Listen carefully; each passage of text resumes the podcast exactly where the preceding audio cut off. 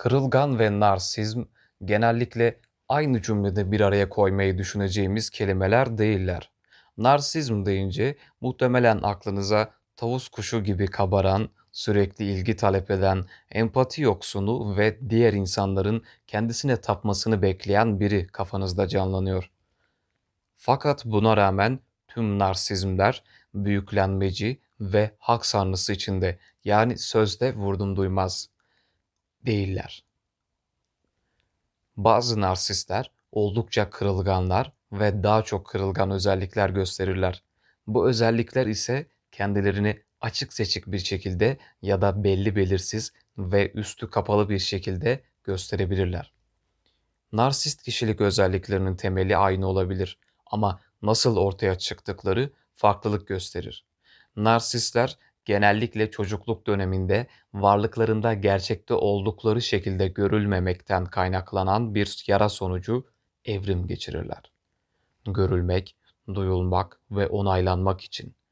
Açlığını duydukları ilgiyi elde etmek için narsistler, başkalarının daha kabul edilir bulacaklarını düşündükleri sahte bir benlik oluştururlar.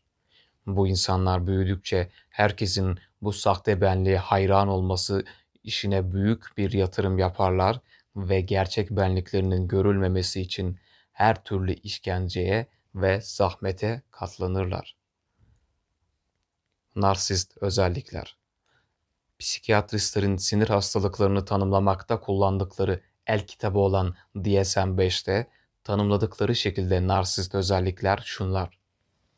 Öz saygıları başkalarının kendilerine hayran olmasına bağlıdır ve duyguları bu dışsal tanınmayı sağlayıp sağlayamadığına göre dibe iner ve yukarı çıkar.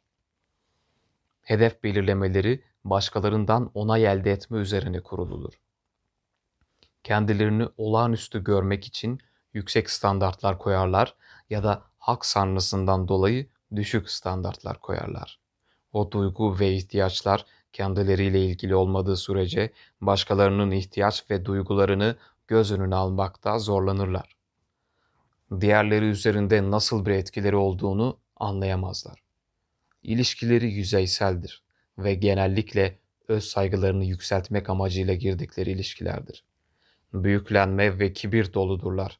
Başkalarından daha iyi olduklarına inanırlar ve başkalarını küçümserler. Özetlersek yüzeyin altında narsistler kendilerini bomboş ve kırılgan hissederler. Ama bunu saklamak ve telafi etmeye çalışmak için bir persona geliştirirler ve bu sayede özel ve olağanüstü olduklarına inanabilirler. The International Journal of Psychoanalysis'te Mayıs 2018'de yayınlanan bir makalede Ricardo Bernari ve Bonica Eidlin kırılgan ve büyüklenmeci narsizmin benzerliklerini ve farklılıklarını ortaya koyuyorlar. Kırılgan narsistler Büyüklenmeci narsistler başka birine bağımlı olduklarını asla itiraf etmezler ve derin duygulara ilgi göstermezler. Bunun tersine kırılgan narsistler çok duyarlıdırlar ve çok kolay kırılırlar. Büyüklenmeci narsistlere göre daha fazla içe kapanıklardır. Herhangi bir başarısızlık ya da travma ile başa çıkmakta çok zorlanırlar. Negatif duygulara daha meyillidirler ve nasıl algılandıkları konusunda kendilerini yiyip bitirirler. Yara aldıklarında veya hayal kırıklığına uğradıklarında kendilerine zarar verebilirler.